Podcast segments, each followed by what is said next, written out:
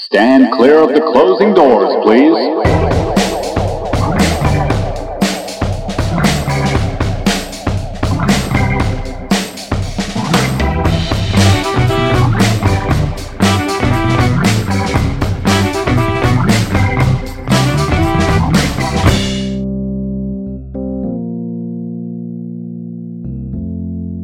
Witajcie kochani w ostatnim półodcinku w tym roku. Tak to się złożyło, że w 2019 roku, przynajmniej w tej formule solo, kończę ten rok ja. Rok mocno udany, w którym, tak mi się wydaje, co prawda jeszcze jest za wcześnie na podsumowania, ale zawsze jakieś można tam składowe tej oceny sobie kumulować w trakcie trwania danego sezonu. No i tak mi się wydaje, że w tym roku chyba osiągnęliśmy z Patrykiem to, co chcieliśmy. Raczej to nie jest pytanie, czy opowiedzieliśmy o filmach, o których chcieliśmy opowiedzieć, bo z jednej strony oczywiście, gdybyśmy przysiedli mocno nad selekcją i poświęcili temu praktycznie cały czas, nie chodzili do pracy, nie spali, to prawdopodobnie te perełki byłyby być może jeszcze bardziej okazalsze, ale z drugiej strony wtedy robi się z tego bardziej biznes niż pasja i to też fajnie jest odkryć po jakimś czasie film, który kompletnie nam zawróci w głowach. W moim przypadku tak było, jeśli chodzi o film z ostatniego pełnego odcinka, czyli 4 miesiące, 3 tygodnie i 2 dni. No więc zobaczymy, co przyniesie ten nowy rok. Zanim ten stary się jeszcze skończy, to dziś, w zasadzie kilka godzin temu, skończyłem montaż do bonusa numer 22, który zapewne już wielu z Was miało okazję przesłuchać. Oczywiście dotyczy on filmu Magnum Opus Martina Scorsese, jego powrotu po latach do współpracy z Robertem De Niro i także debiut, jeśli chodzi o jego współpracę z Alem Pacino. Mowa oczywiście o ponad trzygodzinnym dziele pod tytułem The Irishman, Irlandczyk po naszemu. I no to było bardzo ciekawe doświadczenie montować ten odcinek, bo do tej pory obejrzałem prawie 3 czwarte tego filmu.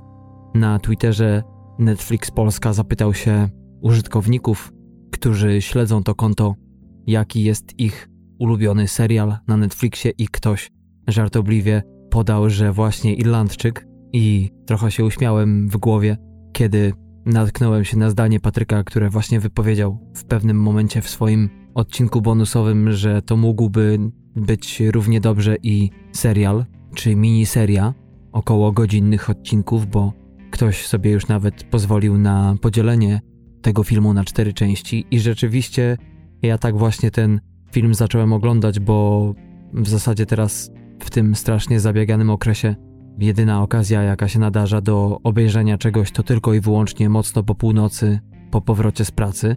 No i tak sobie wrzucałem co wieczór po 20-30 minut Irlandczyka i oglądałem i jeśli chodzi o to CGI, to Patryk w tamtym odcinku, to tak się trochę postscriptum odnoszę do tego odcinka, dywagował, czy nie można było lepiej zrobić tego CGI, jeśli na przykład chodzi o twarz Roberta De Niro, która jest kompletnie niepodobna w odmłodzonej wersji do tej de facto sprzed wielu, wielu lat, kiedy Robert De Niro zaczynał swoją karierę aktorską, czy kiedy ona była dopiero u progu jej rozkwitu.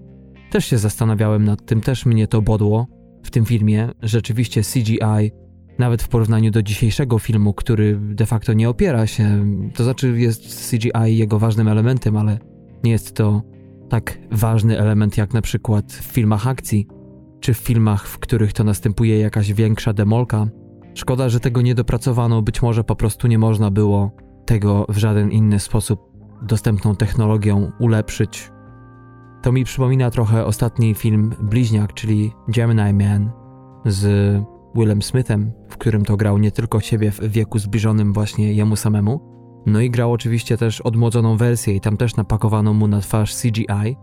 I tak się wydaje, że obaj z Patrykiem nie zwróciliśmy nawet na to uwagę, już po trailerach można było się do tego odnieść, ale jakoś nie zwróciło to naszej uwagi to CGI, bo teraz się przyjrzałem, że rzeczywiście Will Smith nie wygląda kompletnie jak ten Will Smith, na przykład jeszcze z czasów jego wczesnej kariery raperskiej, czy też z serialu Bayer w Bel Air, czyli Fresh Prince of Bel Air, serial, który de facto wywindował go do statusu gwiazdy i tak naprawdę zakończył, czy przynajmniej odłożył na bardzo daleki plan jego karierę raperską właśnie na rzecz kariery aktorskiej.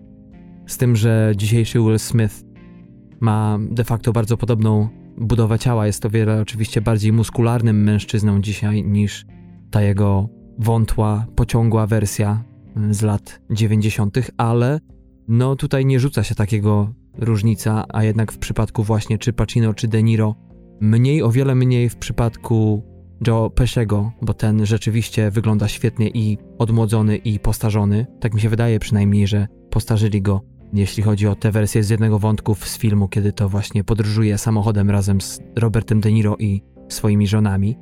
No a rzeczywiście widać po ich, po De Niro i Pacino, po ich ciałach w odmłodzonej wersji, że to nie jest jednak do końca udany zabieg, że jednak to ciało zdradza, przekłamuje trochę. Chociaż były momenty na przykład, kiedy Robert De Niro, widzimy Roberta De Niro idącego i to jego ciało bardziej przypomina mi nie jakiś błąd ciągłości filmu, czy błąd właśnie aktorski, a bardziej jest to znamieniem tego, że po prostu gra on człowieka spracowanego, tak zwaną working class, człowieka, który bardziej dźwiga niż czyta i siedzi za biurkiem, więc y, no, ci ludzie z reguły wtedy nabywają dość specyficzną posturę, krok i tak dalej. Więc tutaj akurat mi się to wszystko fajnie zblendowało, no ale tak jak Patrykowi, tak i mi nie przeszkadzało. Koniec końców, no póki co nie przeszkadzają te efekty. Ciekawy jest ten film, bo jest on taką troszeczkę mieszanką sentymentalizmu z takim właśnie wypolerowanym troszeczkę storytellingiem, ale to, co zazwyczaj właśnie nie lubię w filmach, czyli właśnie takie no, wypolerowanie kosztem pozytywnych walorów potencjalnych danego filmu, czyli na przykład lepszych rozwiązań dramaturgicznych, lepszego dialogu. Akurat Irlandczyk nie grzeszy moim zdaniem tutaj niczym.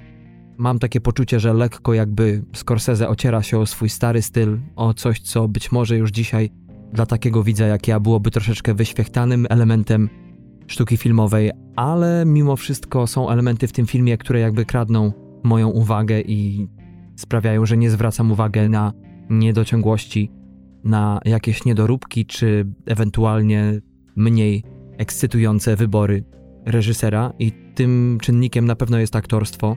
I to nie tylko ci aktorzy, których Patryk już wymienił, ale też poboczne postaci. Jest taka scena na przykład w saunie, kiedy jeden ze związkowców rozmawia z Robertem De Niro, zdając mu sytuację z tego, jak wygląda e, sprawa ze związkami i tak dalej, zawodowymi. I aż chciało się mi tę scenę przewijać non-stop i od początku oglądać, bo autentyczność tych postaci, to już nawet nie chodzi o aktorstwo, ale to się naprawdę ociera nawet w scenie na przykład między, wspomnianej też przez Patryka, między De Niro a Pacino w hotelu w Chicago. Ich reagowanie na siebie i to, że nie jest to wszystko wystylizowane, a, a widać zwłaszcza po grze De Niro, ale też Pacino, pewną swobodę, pełnokrwistą postać, która jest tak autentyczna, jak tylko ludzie być potrafią. Moim zdaniem ten film cechują na pewno trzy nominacje Oscarowe za rolę, no zakładam, że De Niro otrzyma za pierwszoplanową, czy otrzymałby. Chociaż w jego przypadku muszę powiedzieć, że trochę jednak coś mnie mierzi w jego grze i troszeczkę jednak jakby tutaj przebijają się takie manieryzmy, zwłaszcza jeśli chodzi o jego komedyjki, Meet the Fockers i tak dalej i występy też w SNL. Mówię tutaj zwłaszcza o mrużeniu oczu. Nie wiem, czy zwróciliście na to uwagę, ale właśnie w tym filmie bardzo często jest to jakby jego domeną i no za dobrze znam jego karierę aktorską. Tak mi się wydaje przynajmniej, albo przynajmniej wyłapuje te takie momenty bardzo charakterystyczne, które potem mi gdzieś siedzą i tutaj jakby muszę powiedzieć, że no nie jestem aż tak wielkim fanem aktorstwa De Niro, chociaż jest to mocno poprawne aktorstwo i rzeczywiście widać, że aktor słucha, że reaguje szczerze na daną sytuację. Natomiast, no i też oczywiście ma okazję się popisać, bo oprócz grania osoby w wieku, o której właśnie narrator opowiada i jej losach, występuje jako narrator, którego widzimy już na początku filmu we wspomnianym przez Patryka ośrodku dla osób starszych, więc jest to taki piękny pomnik, który De Niro sobie sam postawił. No nie wiadomo, czy na koniec kariery aktorskiej, ale na pewno będzie to jeden z takich kanonów, jeśli chodzi o jego rolę. No a Pacino, czy też Joe Pesci, zwłaszcza chyba Joe Pesci, jest w tym filmie przepyszny, ale obaj panowie wydaje mi się, że mogą otrzymać nominacje Oscarowe za swoje role. Też zwróciłem na to uwagę, co Patryk, że zupełnie inny amplua Joe Pesciego, jego postaci sprawia, że każde słowo, które wypowiada jest soczyste. Zwłaszcza świetnie się bawiłem w scenach, kiedy jako taki prawdziwy mafiozo Don Pesci nie tylko operuje po angielsku, ale wplata to też i język włoski, mocząc przy tym chleb w pewnie jakimś aperitifie. No i dla takich scen chce się oglądać filmy. Bardzo, i to wczoraj nawet napisałem w SMS-ie Patrykowi, bardzo cenię sobie to, że jednak reżyser nie idzie za akcją od razu, tylko że połowa filmu to tak naprawdę jest ekspozycja, kiedy dowiadujemy się więcej o wszystkich postaciach, jakby to była właśnie taka wersja reżyserska tego filmu. I tylko mogę przyklasnąć tej wersji scenariusza, bo rzeczywiście to sprawia, że ten film mi się nigdy nie dłuży. Mam takie wrażenie, że każde pół godziny, które oglądam, mimo już między tymi momentami jest przerwa prawie 24-godzinna, to jest tak soczystym kawałkiem kina i tak ciekawym, tak przepięknie zrobionym. Ta nostalgia, te powroty do lat 60., 70., te samochody, te rekwizyty, te, tak jak Patryk powiedział, zdjęcia, te faktury i tak dalej. To wszystko sprawia, że jestem po pół godziny tego filmu kompletnie, kompletnie zaspokojony jako kinomaniak. Jeżeli miałbym się przyczepić do czegoś oprócz CGI, to czasami są sceny, kiedy chciałbym, żeby może troszeczkę więcej wyciągnięto z nich. Na przykład jest taka scena, kiedy w pewnej kawiarence ludzie dowiadują się o morderstwie prezydenta ówczesnego Stanów Zjednoczonych JFK, czyli Johna Fitzgeralda Kennedy'ego, czy też na przykład scena bójki na sali sądowej. To są takie momenty, kiedy wydaje mi się, że ten film wchodzi jednak w coś, co zazwyczaj mu służy, a tutaj to takie bezpieczne kino, safe cinema, jednak yy, troszeczkę trąci mi myszką, nie mocno, ale jednak wyczuwam sam u siebie brak zainteresowania. Takie poczucie, że ja już to gdzieś widziałem. No ale to mówię, nie jest tych elementów za wiele. Póki co temu filmowi wystawiłbym ocenę no 13,5 na 15. Mógłby głębiej wejść w temat. Tutaj rzeczywiście wydaje mi się, że tej dawki niuansów, epoki i tych zajść. To zresztą to nie jest też ten film. To jest film, można powiedzieć, drogi poniekąd. Tutaj drogi życiowej, głównych bohaterów, ale też jest sporo tego przemieszczania się w tym filmie. No ten film nie ma służyć temu, czemu być może chciałbym, żeby służył. Także więc może za to CGI po prostu i za to, że jest to poniekąd film bezpieczny, chociaż film wyjątkowy, to dam mu 13,5 na 15. No i to tyle, jeśli chodzi o moją mini recenzję addendum do tego, co Patryk przedstawił wam w ostatnim bonusie. Dziś nie będzie działu premier w tym odcinku, ponieważ no w zasadzie nie ma nic takiego, co warto by przytoczyć, polecić, jeśli chodzi o kino, bo tak naprawdę do końca roku czekają nas w zasadzie dwa filmy, na które będziemy chcieli się wybrać. No wy na pewno będziecie chcieli się wybrać, większość z was. W zasadzie trzy, bo oprócz oczywiście Gwiezdnych Wojen, które wejdą już 19 grudnia do kin, jest oczywiście dzisiejszy film, który ma swoją premierę w piątek, dzień po premierze Gwiezdnych Wojen. To jeszcze będzie oczywiście film, no, o którym jest no, nie tyle o filmie, ale o którego twórcy jest sporo szumu. Ostatnio mowa oczywiście o Romanie Polańskim i jego długo, długo oczekiwanym filmie Jacques, czyli Oficer i Szpieg, o przygodach francuskiego kapitana Alfreda Dreyfusa, który został mm, niesłusznie oskarżony o zdradę stanu i skazany na dożywotnie więzienie. Była to słynna sprawa, która zdarzyła się w roku 1894 roku, więc to jest trzeci film, na który będziemy się chcieli wybrać do kin. I oprócz tego, tak naprawdę, no cóż, będzie Jumanji do końca roku i tak mi się wydaje, że to tyle. Jeśli chodzi o takie głośniejsze tytuły, będzie Pan T, też polski film 25 grudnia będzie miał premierę. Jest to film Marcina Krzyształowicza, reżysera, który ma na swoim koncie taki film jak Obława z Marcinem Dorocińskim, thriller wojenny. No i Pante będzie opowiadał o pewnym chłopaku z prowincji, marzącym o karierze dziennikarza, a tytułowy Pante stanie się dla niego mistrzem i nauczycielem. Będzie to film osadzony w powstającej z powojennych ruin Warszawie roku 1953. No i był to dosyć ciekawy okres z wujkiem Bolkiem Bierutem, pierwszym sekretarzem KCPZPR na czele. Także to tyle, kochani, jeśli chodzi o premiery, ale dwie, o których już wspomniałem, na które moim zdaniem powinniście się wybrać. Ja co prawda nie miałem okazji jeszcze, ale same superlatywy można znaleźć w internecie, jeśli chodzi o recenzje uznanych krytyków. Pierwszy z nich to oczywiście Honey Boy, czyli film, który, o którym Patryk w ostatnim bonusie wam opowiadał, filmie, można powiedzieć, quasi autobiograficznym, którego współautorem i głównym aktorem jest Shia LaBeouf. Ten film zbiera naprawdę świetne recenzje, około 92% krytyków wypowiedziało się bardzo pozytywnie na temat tego filmu, 96% widzów ten film uwielbia, natomiast wydaje się, że hitem końcówki tego roku jest film Knives Out, czyli Na Noże. Film, o którym już wspominaliśmy Wam przy okazji naszego ostatniego pełnego odcinka. I ten film zbiera jeszcze lepsze recenzje. Jest to 97% na Rotten Tomatoes, także jak macie okazję na coś się wybrać, być może nie słuchaliście poprzednich naszych odcinków, a dzisiejszy odcinek jest dobrą okazją, żeby być może czegoś się dowiedzieć na temat tego, co jest oferowane przez polskie kina, no to właśnie Honey Boy i na noże. Zapraszam kochani, bo podobno i bardzo zgodnie warto. No i tak przechodzimy kochani do filmu takiej odwrotności, jeśli chodzi o moje tak zwane experience w kinie. I tu porównuję to do filmu Le Mans 66, któremu oddałem to, co powinienem był oddać, tak mi się wydaje, jeśli chodzi o plusy, takie bezdyskusyjne. No ale pojechałem po tym filmie, przyznaję się, nie wiem czy ostro, czy nie, ale rzeczywiście wyszedłem z tego filmu w zasadzie już nie mogłem się doczekać, kiedy się skończy i jeszcze chyba na ostatniej scenie po prostu czmychnąłem w siną dal. No a tak jak wiecie, ten film naprawdę zebrał całkiem niezłe recenzje i był też całkiem popularnym filmem w kinach.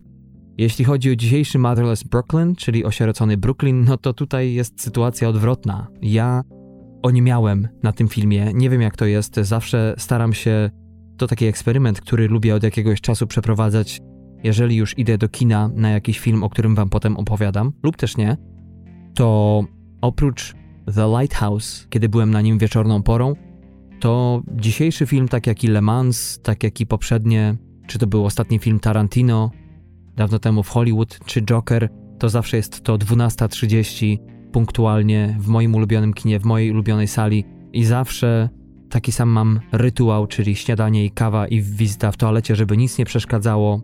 Też lubię pomedytować z rana, żeby przynajmniej umysł był, można powiedzieć, całkiem stabilny, żeby te warunki takie żartobliwie nazywając to laboratoryjnymi były no, zbliżone do jednakowych. I no niestety, ale w przypadku Le Mans nie zadziałało to kompletnie, a w przypadku osieroconego Brooklynu od początku do końca przez dwie godziny i dwadzieścia kilka minut, e, no nie licząc napisów oczywiście, siedziałem jak zaczarowany w kinie i obejrzałem coś, co wprawiło mnie w tak niesamowity nastrój, że cały dzień został ustawiony przez ten film.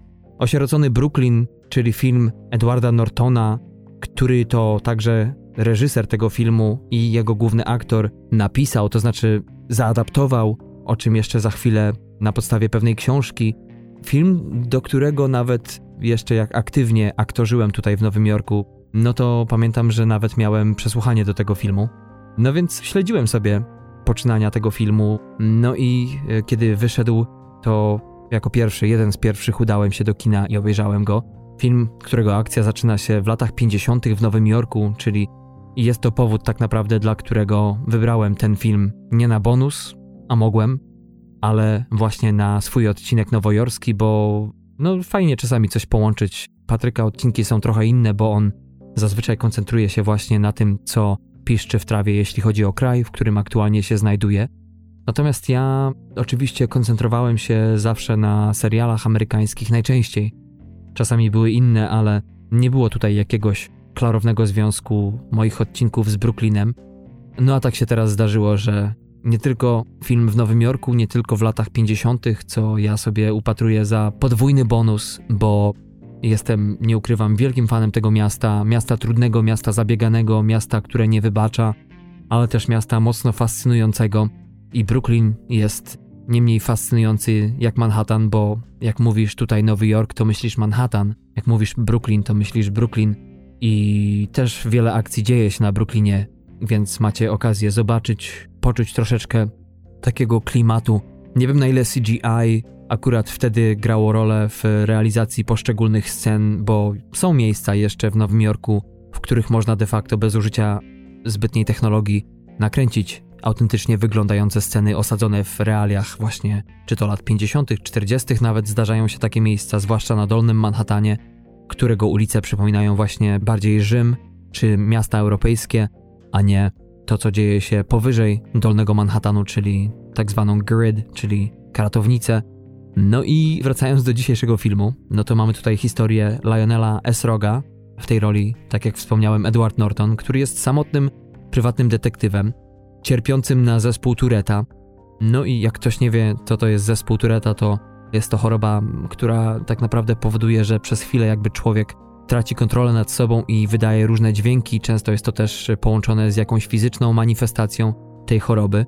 Miałem kolegę na studiach w Iowa, który miał zespół Tureta i no jest to opowieść na praktycznie cały odcinek, ale to co w tym filmie pokazał Norton do czego jeszcze oczywiście się odniosę, bo to też jest e, pewna moja kość niezgody z resztą recenzentów, to rzeczywiście tutaj te choroby odwzorował niesamowicie i być może jest ona troszeczkę podciągnięta pod kwestię artystyczną i być może te objawy tutaj są udramatycznione lekko i do tego też nawiążę. To też niekoniecznie, bo oczywiście wiele osób poznało kogoś czy widziało kogoś z Turetem, ale zazwyczaj ten Turet nie jest jakimś tam fenomenem, jest po prostu jakimś dziwadłem bardziej, czy taką przypadłością, która nie niesie za sobą ochów i achów, a mój kolega ze studiów potrafił takie teksty sypać i to prawie w czasie rzeczywistym, czasami odpowiadając mojemu profesorowi na to, co ten mówił.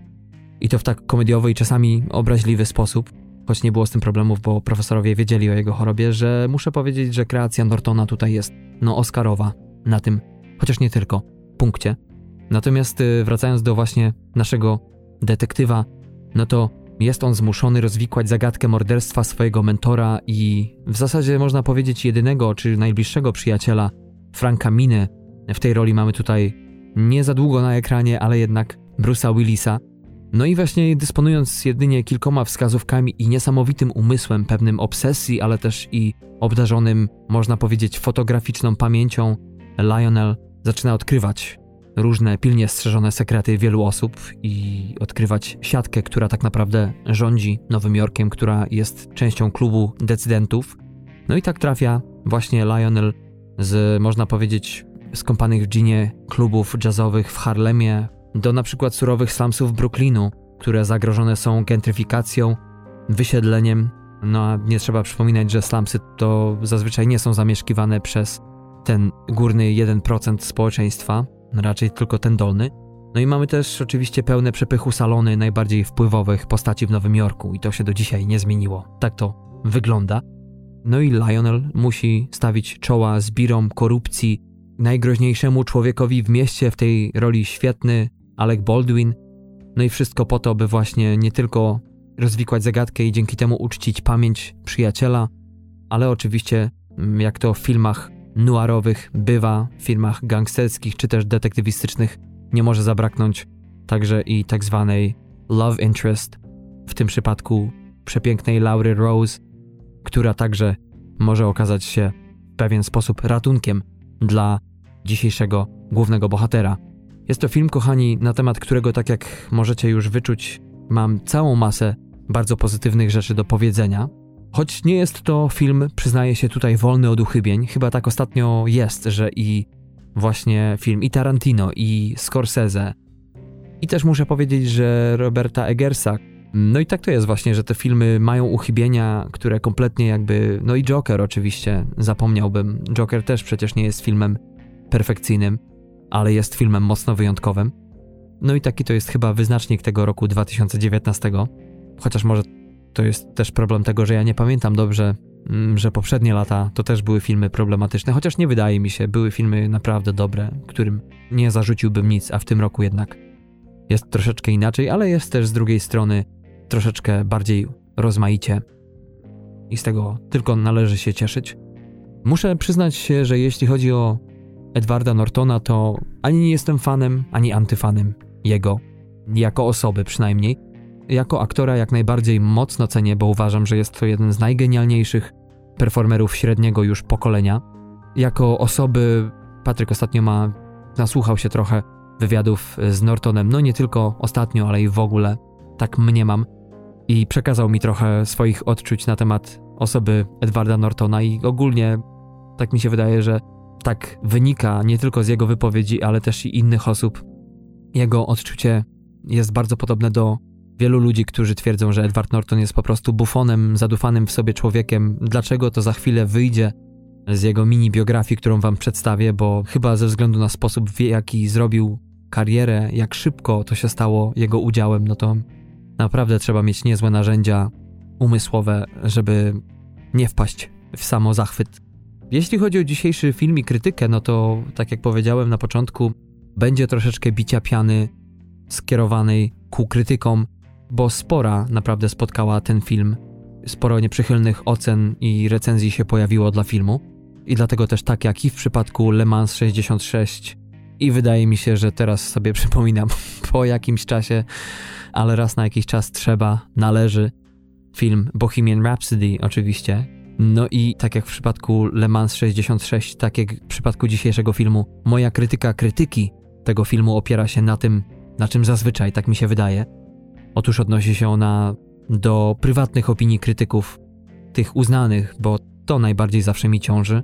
Dotyczy to przede wszystkim ich subiektywnych widzi im się, bo jednemu nie podoba się sentymentalizm danej produkcji, drugiemu historyczna postać i sposób, w jaki została ujęta w filmie, mm, że nie została pokazana w dostatecznie obiektywny sposób. E, no ale to też moim zdaniem nie jest właśnie taki film.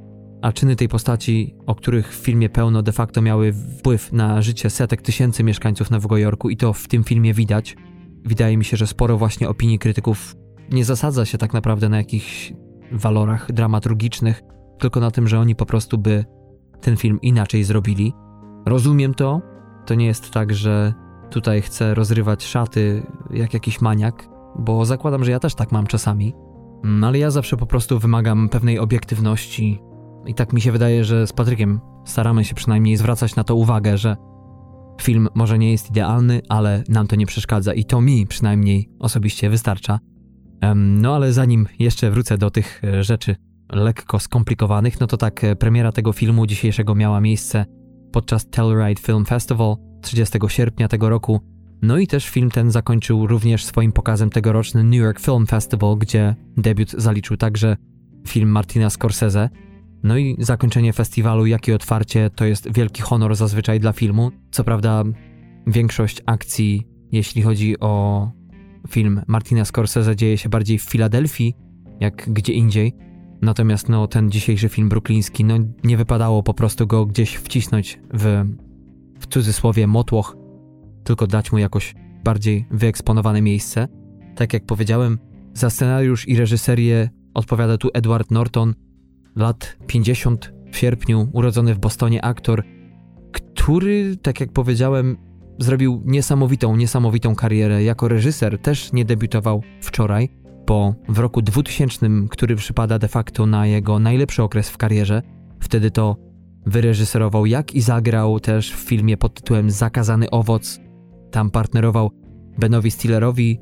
Nie wiem czy pamiętacie, ale była to chyba jedna, tak przynajmniej mi się wydaje, z najlepszych komedii tamtego roku.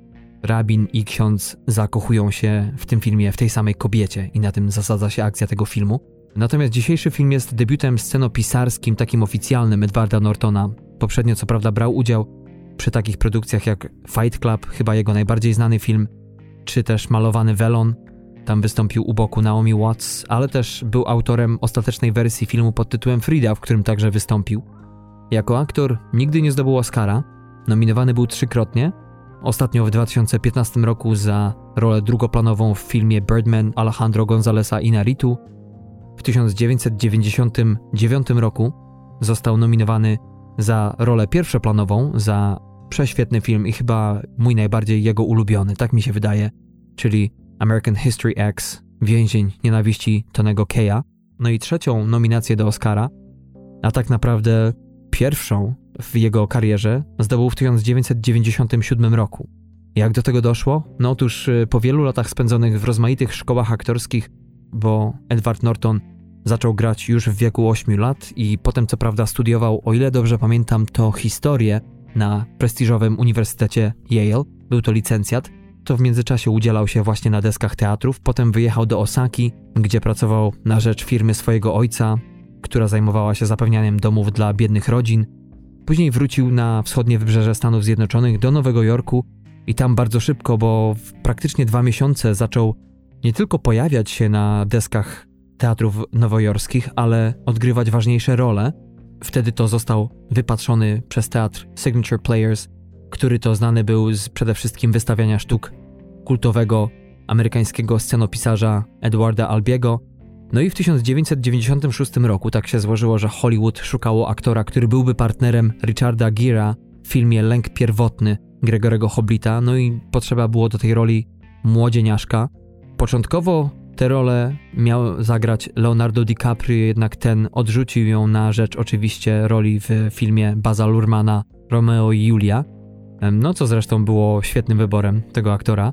Potem właśnie zdarzyło się tak, że przy końcu castingu, kiedy nie tylko producenci, ale sam już Richard Gere nawet chciał się wycofać z tego projektu, bo nie wierzył w to, że uda się ludziom odpowiedzialnym za casting znaleźć odpowiednią osobę, no to taki Edward Norton właśnie wszedł na salę, a potem szybko dostał się na zdjęcia próbne, zdystansował kilka tysięcy osób, no i stał się niemałą sensacją w świadku filmowym, zwłaszcza jeśli chodzi o jego zdjęcia próbne, bo podobno był tak fenomenalny w nich, tak się świetnie prezentował, że plotki o nowym diamencie, który zawita niedługo do Hollywoodu, rozniosły się w bardzo szybkim tempie.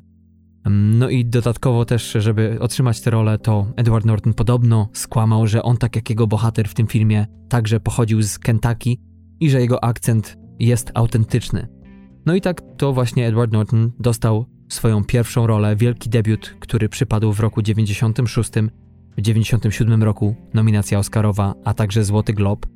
No i od tego momentu zaczęła się jego niesamowita, niesamowita kariera, do najbardziej udanych tłustych lat, y, jeśli chodzi o nią, należała przede wszystkim końcówka lat 90., bo wtedy to właśnie po jego debiucie zagrał w bardzo znanych produkcjach, przede wszystkim w skandaliście Larry Flint, potem w świetnym filmie Woody'ego Allena Wszyscy mówią kocham cię, no i właśnie potem był American History X, Fight Club, Zakazany Owoc, 25 godzina, też świetny film.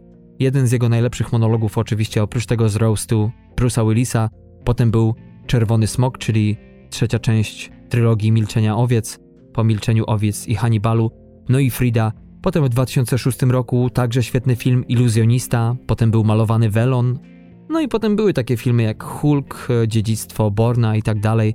No ale potem powrócił w wielkich produkcjach przynajmniej, może nie koniecznie wielkie, ogromne role, ale świetna rola w Grand Budapest Hotel Wes Andersona, także w Kochankowie z Księżyca Moonrise Kingdom – no a słynne filmy, w których nie zagrał, a które mogły paść właśnie jego udziałem, jeśli chodzi o znane tytuły, to przede wszystkim był to Szeregowiec Ryan Stevena Spielberga, którą to rolę w filmie odrzucił. No i Człowiek z Księżyca, tutaj akurat studio wybrało Jima Carreya, słynny film Milosza Formana o Andy Kaufmanie, kultowym, nieżyjącym już komiku amerykańskim, co też chyba wyszło twórcom filmów na dobre. Niekoniecznie osobiście, bo już nawet wspominaliśmy kiedyś o filmie, który opowiada właśnie o kulisach produkcji tego filmu i o Jimie Carreyu, ale to tyle. Jeśli chodzi o ciekawostki i genezę dzisiejszego filmu, to tak jak wspomniałem na początku, Edward Norton napisał do niego scenariusz na podstawie książki Jonathana Lethema z 99 roku. No i była ta książka tak udana, że od razu producenci rzucili się na nią, żeby coś z niej zrobić, żeby coś z tego wyszło. Początkowo zaproponowano nakręcenie tego filmu Davidowi Lynchowi, ten odrzucił propozycję. No i Norton, od początku zakochany zresztą w książce, już po praktycznie American History X zaczął pracę nad tym scenariuszem i pracował nad nim przez lata. No ale nie był jeszcze przekonany, zresztą też do niedawna, czy byłby reżyserem tego filmu. Raczej się w tej roli nie widział, ale w lutym 2014 roku coś się nagle zmieniło i wydaje się, że wtedy ta jego wizja tego, co chciał przedstawić, zaczęła nabierać na tyle obfitych kształtów, że no nie było po prostu innej sposobności, jak powierzyć samemu sobie tę rolę. Akcja książki to lata 80. ale Norton umieścił je właśnie w roku 57, gdyż e, jego zdaniem właśnie bardziej pasowała do gatunku filmu noir, neo-noir można powiedzieć, przede wszystkim dialekt nowojorski, rozmaity nowojorski zresztą, żargon, ukłon w stronę tamtych mrocznych, ale i też pięknych czasów. Mowa tu przede wszystkim o zróżnicowaniu Nowego Jorku, który dzisiaj może się lekko zaciera, no ale to wtedy właśnie zaczęła się tak zwana gentryfikacja, czyli wypieranie powoli ludności biedniejszej przez bogatszą, ale dzisiejszy film to nie tylko. Pewna można powiedzieć etiuda na punkcie książki Lefema, to także elementy książki słynnej zresztą Roberta Caro pod tytułem The Power Broker, książki wydanej w 1974 roku bodajże, która otrzymała Pulitzera. Była to biografia Roberta Mosesa, bardzo wpływowego człowieka w Nowym Jorku, w tym filmie nazwanego Moses Randolph, w rolę którego wcielił się tutaj, jak wspomniałem, Alec Baldwin. No i mamy właśnie do czynienia tutaj z taką jedną centralną, złą postacią, z magnatem, który chciał przebudować według swojej wizji cały Nowy Jork, który nie znosił komunikacji miejskiej i chciał wyprzeć nie tylko ją, ale także i chciał kompletnie zlikwidować biedotę, biedne dzielnice w Nowym Jorku na rzecz właśnie umożliwienia lepszego, większego ruchu samochodowego przez miasto. Pracował też nad parkami, potem trafiały mu się coraz większe to projekty, większa władza. W tym filmie jest to może troszeczkę karykaturalnie ukazane, ale to też wydaje mi się, że wpasowywuje się kompletnie w ten film, w jego, można powiedzieć, klimat. No i cóż, ten film został nakręcony w 45 dni podobno, czyli w półtora miesiąca. Zazwyczaj to trwa od dwóch do trzech miesięcy. No i podobno właśnie, nie wiem czy to prawda, nie mogłem nigdzie tego sprawdzić głębiej, największe gwiazdy czyli właśnie nie tylko Edward Norton, ale Alec Baldwin, Bobby Cannavale, czy też świetny w tym filmie, druga świetna rola w tym roku, Willem Dafoe, który w tym filmie gra brata Mosesa Baldwina, który także jest jedną z centralnych osób zamieszanych właśnie w, można powiedzieć, największą zagadkę w tym filmie, która troszeczkę przychodzi tak z lewej, można powiedzieć, parafrazując powiedzenie angielskie, from the left field, bo nie spodziewałem się, że to to właśnie okaże się no, tym największym clue całej tej otoczki, całej tej tajemnicy. Nie wiem, czy to dobrze, czy to źle. Nie przeszkadzało mi to. Wydaje mi się, że cała akcja, która się rozgrywa, nieważne dokąd nas czy mnie zawiedzie, i tak będę zadowolony. Norton często konsultował się ze Związkiem Choroby Tureta. Film ten podobno uzyskał pozytywną opinię specjalistów, którzy stwierdzili, że nie tylko Edward Norton nie śmieje się, czy nie wyszydza, czy nie robi sobie przysłowiowych jaj z podobnych przypadków, tylko wręcz bardzo wiernie odwzorowuje to, czym ta choroba może się charakteryzować. Warto też przytoczyć, że ta produkcja nie miała, mimo tych 45 dni zdjęciowych i w trakcie których zdarzył się tydzień przerwy, nie miała łatwej drogi, miała raczej ją pod górkę, ponieważ pewnego dnia podczas kręcenia zdjęć w Harlemie Zdarzył się wypadek w trakcie kręcenia, no i na miejscu śmierć poniósł jeden ze strażaków, który był zaangażowany w gaszenie pożaru, który wybuchł w piwnicy budynku, w którym odbywały się zdjęcia. No i potem zaczęła się akcja pod tytułem Sąd, czyli najpierw wdowa po zmarłym strażaku pozwała Class 5 Productions, czyli firmę produkcyjną Edwarda Nortona za niedopilnowanie warunków pracy.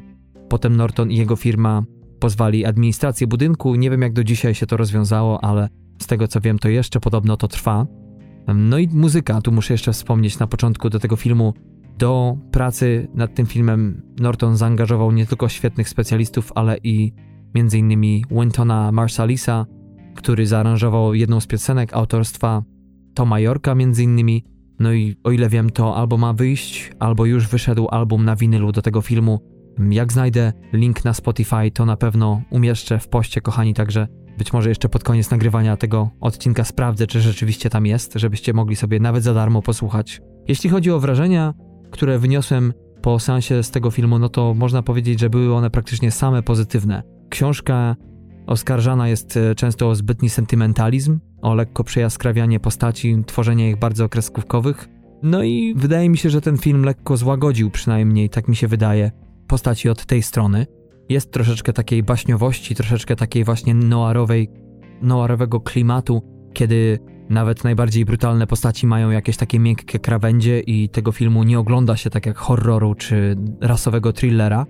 Krytyka oskarża ten film, że właśnie grzeszy on taką noirową papką rodem z lat 60., która się nie zestarzała najlepiej. ale moim zdaniem właśnie to jest klimat tego filmu, to jest ten plus. Mamy tutaj no przede wszystkim obraz Nowego Jorku, jego wielkiego budowniczego Mosesa Randolpha w klimacie mafii, segregacji rasowej, potajemne deale deweloperskie, budowę wielkiej metropolii, mamy instytucjonalny rasizm, czyli wysiedlanie właśnie przede wszystkim czarnoskórych dzielnic, ludności ekonomicznie uwstecznionej.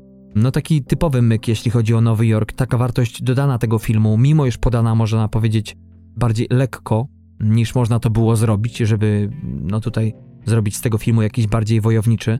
Mówię typowy myk, ponieważ no to jest zazwyczaj rozwiązanie Nowego Jorku, żeby radzić sobie z problemami właśnie na przykład bezdomności.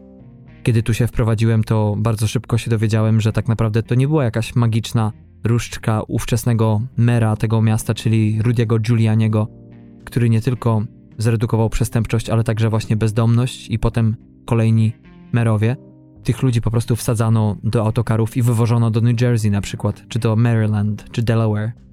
No i mimo wszystko właśnie, mimo takiej noirowości, komediowości, lekkiego przekazu tego filmu, mamy jednak tutaj taki obraz tego, że choć może zwykły człowiek w Stanach o liberalnej duszy wierzy w hasła z pierwszej strony Deklaracji Niepodległości, no to jednak instytucjonalnie to jest to jeden chyba z największych amerykańskich bullshitów i ten film jest tego dobitnym przykładem, bo Moses Randolph to był człowiek, historia można powiedzieć, Nowego Jorku, kawałek historii Nowego Jorku.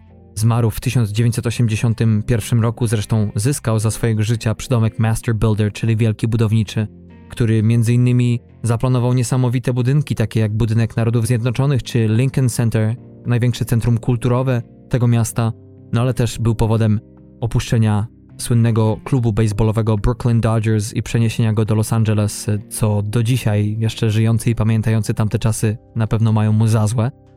Tak jak wspomniałem, przepięknie zostały odwzorowane realia w tym filmie, nie tylko samochody czy budynki, czy kostiumy, ale CGI daje naprawdę radę w tym filmie o wiele lepszy poziom niż Martina Scorsese. Nie chodzi tu o twarz, a raczej o odwzorowanie realiów Nowego Jorku, co też świetnie się wkomponuje w klimat zdjęciowy tego filmu, bo o tym też wspomnę. Przepięknie zrealizowany, sfilmowany film, zresztą nie anonimowej postaci, bo pana Dicka Pope'a, który no już wcześniej pracował z Edwardem Nortonem na planie filmu Iluzjonista. Był też taki film jak Vera Drake, czy Sekrety i Kłamstwa, za który otrzymał Złotą Palmę zresztą w Cannes, więc było komu tutaj trzymać kamerę i kręcić korbką. I jeśli chodzi o kolejną krytykę tego filmu, bo chyba tak będę się poniekąd do tego dzisiaj odnosił, to oskarża się go najczęściej o to, że choć książka sytuowała widza bardziej w głowie głównego bohatera, no oczywiście, bo to książka, no to tutaj on jest tylko jakby, jak to ktoś określił, jeden z recenzentów, strzelającym przypadkowymi przekleństwami typkiem, który niby jest na tropie jakiejś większej sprawy, ale tak naprawdę tutaj koniec cytatu, lekkość, z jaką podane są elementy intrygi, spłyca je do poziomu od ekspozycji. Ale mimo wszystko nie do końca zgodziłbym się, że jest to wielki minus, bo oczywiście, no jeżeli zrobimy film tylko i wyłącznie z punktu widzenia bohatera, no to to będzie zupełnie inny film.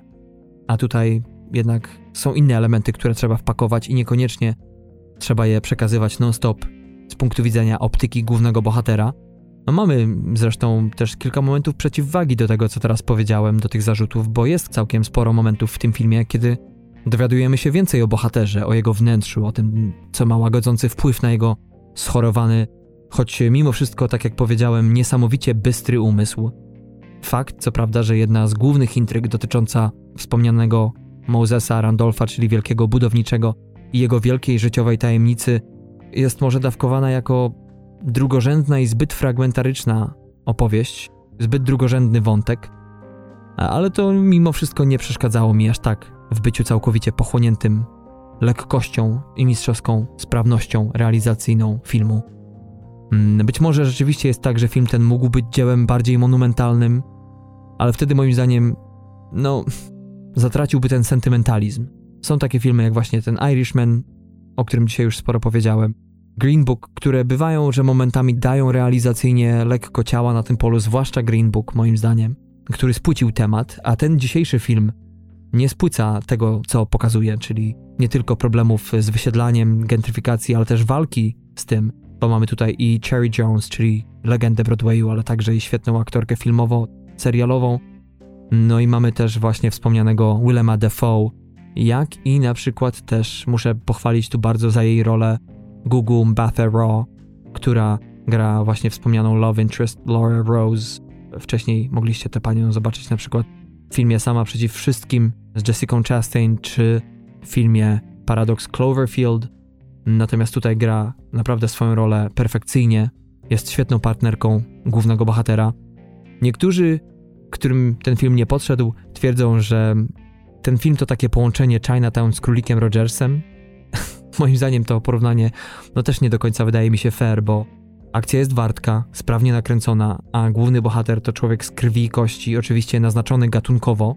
Nie spędzamy być może z nim tyle czasu, ile powinniśmy, ale ten film po prostu idzie do przodu, mimo swoich prawie 2,5 godzin, a gra Nortona nie jest bynajmniej przyćmiona jego tikami, o co oskarża go wielu recenzentów. Więc tym bardziej muszę powiedzieć, że ten film nie jest parodią, nie jest amalgamatem innych. Oczywiście mogą się niektóre rzeczy pokrywać, ale wydaje mi się, że to bardzo spłyca ten film, takie postawienie sprawy. Jeśli chodzi o krytykę aktorstwa samego Nortona, to rozumiem, że nie każdy wie, co to jest syndrom Tureta, jak wspomniałem.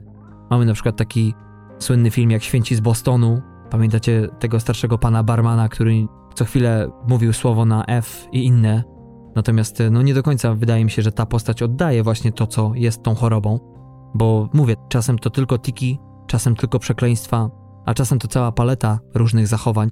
I w tym filmie właśnie ten Turet moim zdaniem nie tylko nie przeszkadza i nie jest żadnym efekciarstwem, a na odwrót, ta autentyczność tej postaci sprawiła przynajmniej, że ja byłem murem z głównym bohaterem.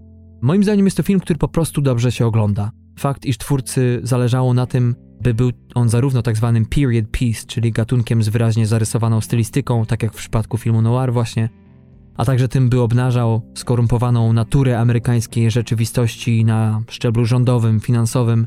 Te dwa fakty moim zdaniem kompletnie się nie kłócą. Oczywiście nie dostajemy tutaj niczego nawet zbliżonego chociażby do filmu The Report, który sam wpija swoje zęby w tajemnicę, która jest kamieniem węgielnym całej jego historii. Ten film dotyczy CIA i jej przeróżnych metod dochodzeniowych związanych ze śledztwem w sprawie World Trade Center. Tutaj ten film zarysowuje tylko pewne sprawy, które są tłem dla tak naprawdę podróży głównego bohatera i odkrywania nie tylko tajemnicy, którą odkrywa w tym filmie, ale także i my razem z nim odkrywamy głównego bohatera bardziej. Przy okazji delektując się Nowym Jorkiem, wchłaniając to, chociaż oczywiście zdaję sobie sprawę, że nie każdy będzie miał do tego filmu czy do tego aspektu w tym filmie taki sam stosunek jak ja. Ja jestem spaczony, ale no to trzeba po prostu tu żyć. I trzeba mieć takie nastawienie jak ja, czyli chłonąć każdy zakątek tego miasta i wtedy to ma taki efekt, jaki ma na mnie. Mówi się o ekspozycji, tutaj kolejny zarzut, że jest ona zbytnio werbalna, że za dużo w niej słów. Dla mnie to po prostu miodzio, kolejna rzecz, którą się nie zgodzę. Moim zdaniem ten akcent, dialekt, sposób bycia bohaterów, nie tylko głównego, ale i elokwencja, rytm, spryt, cwaniactwo poszczególnych sytuacji. Ten film jest taką baśnią noir. Nie tylko jeśli chodzi o zdjęcie, ale jest w niej zarysowana pewna taka idylla, lekkość, wspomniana świetna gra aktorska, barwne postaci. Nie tylko trio ziomków z sierocińca, dla których również Frank Mina grany przez Bruce'a Willisa był mentorem. Mowa tutaj o postaci granej przez Dallasa Robertsa, o łagodnym i dobrodusznym człowieku. Inny z nich, postać grana przez Ethana Saplee, to przygłupi, przynajmniej pozornie, rdzenny nowojorczyk przy kości. No i mamy też cwanieckiego samca alfa w tej roli Bobby Cannavale, który na mnie nie zrobił aż takiego wrażenia. Na pewno w filmie Martina Scorsese, Irlandczyku, bo ten film obejrzałem po osieroconym Brooklynie, więc to był już kolejny film, w którym gra po prostu złą postać cwaniaka, więc osierocony Brooklyn mi stemperował jakoś odebranie tej postaci. No i też chyba wpadł troszeczkę tak w szufladę Bobby Cannavale, co nie oznacza, że nie gra fenomenalnie, bo naprawdę jest to aktor z krwi i kości. Mamy, jak oczywiście wspomniałem, Franka Minę, granego przez Bruce'a Willisa, czyli podejrzanego typa o złotym sercu.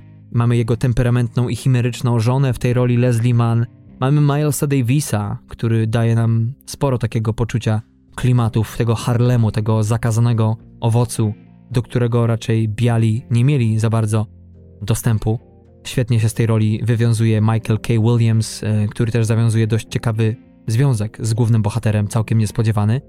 Tak jak powiedziałem, mamy Gugu Mbatha czyli Love Interest, mamy jej ojca, weterana wojennego, też postać, która naprawdę wywołuje sporo bólu bardzo skomplikowana osoba. No, serce naprawdę kraje się na punkcie tego, co się dzieje z tą postacią. Może tyle zdradzę w tej roli Robert Wisdom. Mamy też brutalnego osiłka, który za wszelką cenę stara się dorwać głównego bohatera, więc mamy te noirowe elementy. Inne pozytywy sporo humoru, typowa akcja po sznurku do kłębka, spowita niesamowicie odwzorowanymi realiami Nowego Jorku lat 50. To film, który tak naprawdę osadzony jest na tych samych podwalinach co filmy wychodzące w czasach, o których on opowiada. No i kreacja Nortona. Sporo wiemy o tej postaci, sporo o niej nie wiemy. Widzimy, jak sprawnym umysłem, jak doskonałą pamięcią jest obdarzona, co kontrastuje tak naprawdę niesamowicie z jego przypadłością turetową. Nigdy nie jest nam z nim do śmiechu, raczej, to znaczy nigdy nie śmiejemy się z niego, jeśli już to razem z nim. Jak to mówi stare angielskie powiedzenie, I'm not laughing at you, I'm laughing with you. Fakt, że jest może zbyt stary jako aktor, by, mowa oczywiście o Nortonie, by zagrać młodego detektywa, który dopiero co rozpycha się w tym trudnym biznesie, mając e, na względzie chociażby bohatera z książki, na kanwie której powstał ten film. Ale moim zdaniem nie ma to kompletnie znaczenia. Fakt, że mamy do czynienia z około 40-letnim mężczyzną, który dorosłe rzeczy, dorosłe tematy musiał przejść i przerobić za młodu, a w wieku, w którym jest, w którym powinien już być ukształtowanym samcem, że się tak wyrażę, nie zaznał zbyt wielu rzeczy i nadal mierzy się z demonami przeszłości, to tylko dodaje opowieści i tej postaci większego wymiaru. I trochę szkoda, że krytyka chyba przechodzi trochę zbyt obojętnie wobec tego, kompletnie tego nie dostrzegając, za to lubiąc się pastwić nad tym, że Norton podobno miał czekać z tym filmem tyle lat, żeby w końcu móc się dorobić Oscara, którego, jak mówi stare hollywoodzkie powiedzenie, znani aktorzy najłatwiej mogą zgarnąć za zagranie osoby nie w pełni sprawnej umysłowo. Trochę to absurd moim zdaniem, no ale rozumiem też doskonale niechęć niektórych do Nortona, tak jak powiedziałem, w niektórych wywiadach, czy to na YouTubie, czy w formie audio. No, lubi wypaść niezbyt korzystnie. Lekko bufoniasto, zarozumiale, co niekoniecznie musi mu przysporzyć fanów i pomóc w odbiorze jego twórczości. Ale zresztą to nie jest nowy problem, bo, bo w dobie mitu, która nadal ma się dobrze, choć już nie szokuje tak e, jak na początku, mowa tutaj na przykład chociażby o tej wspomnianej przeze mnie sprawie Polańskiego, no to jednak rozdział dzieła od twórcy jest nadal tematem mocno problematycznym, łagodnie rzecz biorąc. I może nie dziwić to na przykład w przypadku takich ludzi jak e, chociażby właśnie Polański, czy Weinstein, czy Woody Allen. Jeśli ci dwaj, czyli Polański i Allen, rzeczywiście dopuścili się tego, czego się dopuścili, bo chyba nie może być żadnej wątpliwości, chyba już jeśli chodzi o osobę Harvey'ego Weinsteina. No ale jeśli chodzi akurat Nortona, to jego konto jest akurat czyste, więc chyba rok 2019 moim zdaniem przynajmniej wydaje się być najwyższym czasem, żeby powoli uczyć się tego rozdziału właśnie dzieła od tego bufona, który je stworzył, by ocenić to dzieło, ten film tym, czym jest, takim, jakim jest, a nie takie, jakim nie jest. I na pewno nie przez pryzmat twórcy. A wydaje mi się, że tak jest w przypadku właśnie dzisiejszego filmu. Krytycy starają się często go porównać do czegoś, czym po prostu on nie jest, i wydaje mi się, że niechęć do samego Nortona też tutaj odgrywa jakąś rolę.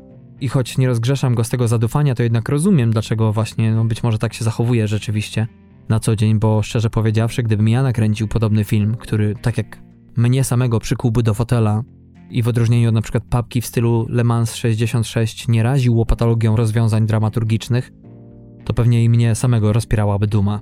Minusy? Troszeczkę może czasami gra Aleka Baldwina, choć całościowo jest to naprawdę świetna kreacja, no to jednak, zwłaszcza dla fanów SNL, a ja może fanem nie jestem, ale oglądam raczej dość regularnie, no to podanie jego postaci troszeczkę trąci myszką, bo widać, że zwłaszcza w pierwszych pięciu minutach, kiedy go poznajemy, krzyczy aż z niej postać Donalda Trumpa, o którego gra samego aktora się ociera, choć tu przyznam w raczej stemperowany sposób. Troszeczkę to jednak przecieka ta postać prezydenta Stanów Zjednoczonych. Może nie wszyscy oglądają ten popularny amerykański program komediowo-kabaretowy, że właśnie w ostatnich kilku latach Alec Baldwin Znany jest w Stanach najbardziej z tego, że odgrywa no już dzisiaj kultową karykaturę prezydenta Stanów Zjednoczonych. No ale potem już jednak postać Mosesa Randolpha, granego przez Baldwina, już broni się sama i dawkowana jest bardziej sprawnie. Można jej czasami zarzucić zbytnią prostotę, jeśli chodzi o wygłaszane przez niego mądrości na temat czy to kobiet, czy to, jak to on nazywa, ludzi kolorowych, co rodzi pytanie, czy nie dało się tego lepiej rozegrać, bardziej zniuansować tych kwestii, ale nie wiem, nie raziło mnie to zbytnio. Dla niektórych być może jest to film za długi, dla mnie był w sam raz. Świetne aktorstwo, chociaż też muszę przyznać, że raziły mnie nieco tu i ówdzie sceny protestów miejskich, które nosiły lekkie znamie bycia ustawionymi happeningami z udziałem statystów, no ale w porównaniu na przykład do scen, kiedy to już kolejna odsłona pastwienia się nad Le Mans 66. W tym filmie zespół Ferrari na przykład doświadcza chwilowych problemów, no to potem zaraz my widzimy jako widzowie po dodatkowym dialogu i wzroku Damona w stronę loży honorowej karykaturalną scenę spod ręki Mangolda, kiedy to szef Ferrari odstawia niezadowolenie w iście włoskim stylu. To w dzisiejszym jednak filmie, w porównaniu do tego filmu, podobne sceny, no chyba otarłyby się o Oscara, gdyby wręczano go właśnie w kategorii scena z udziałem statystów. Kończąc podsumowanie tego filmu, muszę powiedzieć, że jest on całkiem ciekawym połączeniem stylistyki z minionej epoki z uwzględnieniem problemów, które nadal niestety mają się dobrze, przede wszystkim w Stanach Zjednoczonych, bo gentryfikacja i rozbudowywanie miast kosztem najmniej uprzywilejowanych grup zawsze strącała je w otchłań od dekad, odbierała im prawa głosu. Mamy w tym filmie wiele scen z zebrań publicznych, więc mamy w pewien sposób odtworzoną atmosferę, mamy ważkie kwestie poruszane, w trakcie których bohater, tak jak widz, jest tego świadkiem po raz no, pierwszy, można powiedzieć, naocznie. No i wtedy zdaje on sobie, jaki my sprawę ze skali problemu, który trawi Nowy Jork. No ale mówię, to wraz z lekkością podania czynią ten film potrzebnym, wyjątkowym, rozrywkowym. Ja na pewno dałbym nominację w kategorii aktorskiej, ale uważam, że reżysersko i scenariuszowo odstawił tu naprawdę też kawał niezłej roboty, pospinał to wszystko i sprawił, że dzięki temu powstał film, których w Hollywood mało. Jednym się on oczywiście, tak jak mi spodoba, innym nie, ale jak dla mnie jest to ocena 13,5 do 14 na 15. Jeden z lepszych filmów w tym roku, muszę powiedzieć. Nie byłem na nim drugi raz, tak jak się zarzekałem jakiś czas temu w trakcie jednej z audycji, ale na pewno się jeszcze na niego wybiorę. No a jak nie to, jak tylko pojawi się w jakimś serwisie streamingowym czy na DVD do kupienia, to zasiądę i zrewiduję swoje poglądy, a być może wtedy wyjdzie jakieś addendum, jakiś dodatek w jednym z odcinków kiedy ustosunkuję się, być może zmienię zdanie, a być może jeszcze raz wszystkie te peany powtórzę. Przy budżecie około 26-milionowym film ten zarobił mniej niż połowę, no ale wchodzi teraz coraz szerzej na nowe rynki i tylko mam nadzieję, że ten film po prostu znajdzie więcej zwolenników, niekoniecznie dlatego, że chcę, żeby ludzie się zgadzali ze mną. Naprawdę nie zależy mi tak na tym. Wiem, że w jakiś sposób jestem wojownikiem, w cudzysłowie wojownikiem o prawdę, być może subiektywną, no ale cóż, taki to los kogoś, kto chce się wypowiadać o czymś, co jest jego pasją i często jesteśmy narażeni na śmieszność, często możemy nie mieć racji czy być zbyt subiektywnymi, ale trudno, przełknę to, jeżeli się mylę. Jeżeli macie inne opinie po seansie tego filmu, który wchodzi do polskich kin już 20 grudnia, to zapraszam do dyskusji. Bardzo chętnie wymienię się spostrzeżeniami, czy też wysłucham po prostu tego, co macie do powiedzenia. To zawsze bardzo owocne poznać inną optykę a być może a nuż czegoś się człowiek nauczy od drugiego człowieka. Czas trwania filmu to 144 minuty. Gorąco, gorąco polecam, kochani.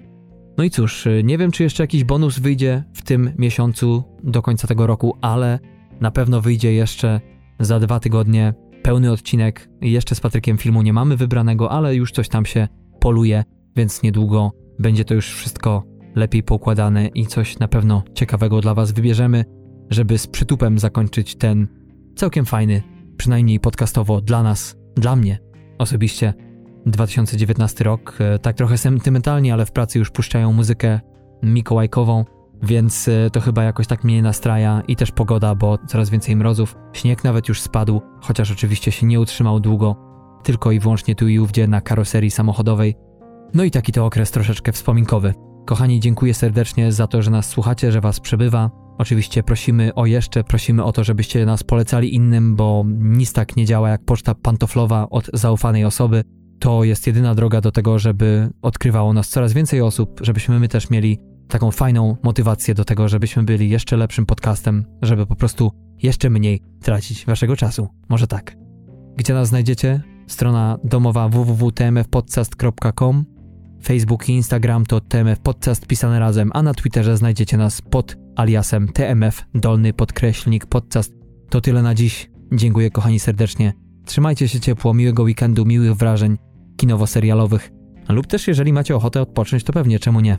Bo przerwa zawsze jest zdrowa. Nie ma to czasami jak świeża optyka, kiedy wraca się po lekkiej przerwie do oglądania kolejnych propozycji, których nie będzie brakowało, bo jak świat będzie długi, tak zakładam, będzie produkowanych coraz więcej filmów i seriali i mam nadzieję, że też nieustannie będą to pozycje wysokich lotów, przynajmniej procentowo się to podniesie niż jest to do tej pory.